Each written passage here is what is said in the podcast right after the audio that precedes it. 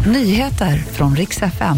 Lisa Marie Presley död i natt, hittades livlös i hemmet och 2022 blev ett mörkt år för svenska filmer på bio. God morgon. Vi ska börja med att artisten, låtskrivaren och Elvis dotter Lisa Marie Presley är död. Hon hittades livlös hemma i sovrummet i natt och fördes till sjukhus med misstänkt hjärtinfarkt. Men hennes liv gick alltså inte att rädda. Och hennes mamma Priscilla Presley bekräftar också dödsfallet i ett känslosamt uttalande. Lisa Marie Presley blev 54 år gammal. Det blev svensk seger i VM-premiären i handboll igår kväll. Sverige besegrade Brasilien med 26-18.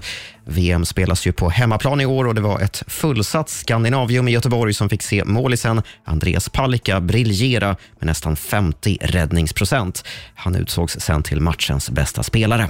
Imorgon lördag väntar nästa match, då mot Kap Verde.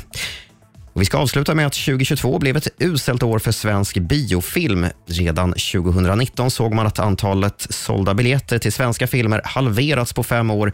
Och Årets siffror är nästan, eh, ska jag säga, ännu sämre än så, rapporterar SVT. Bara en film, Jag är Zlatan, sågs av fler än 200 000 personer.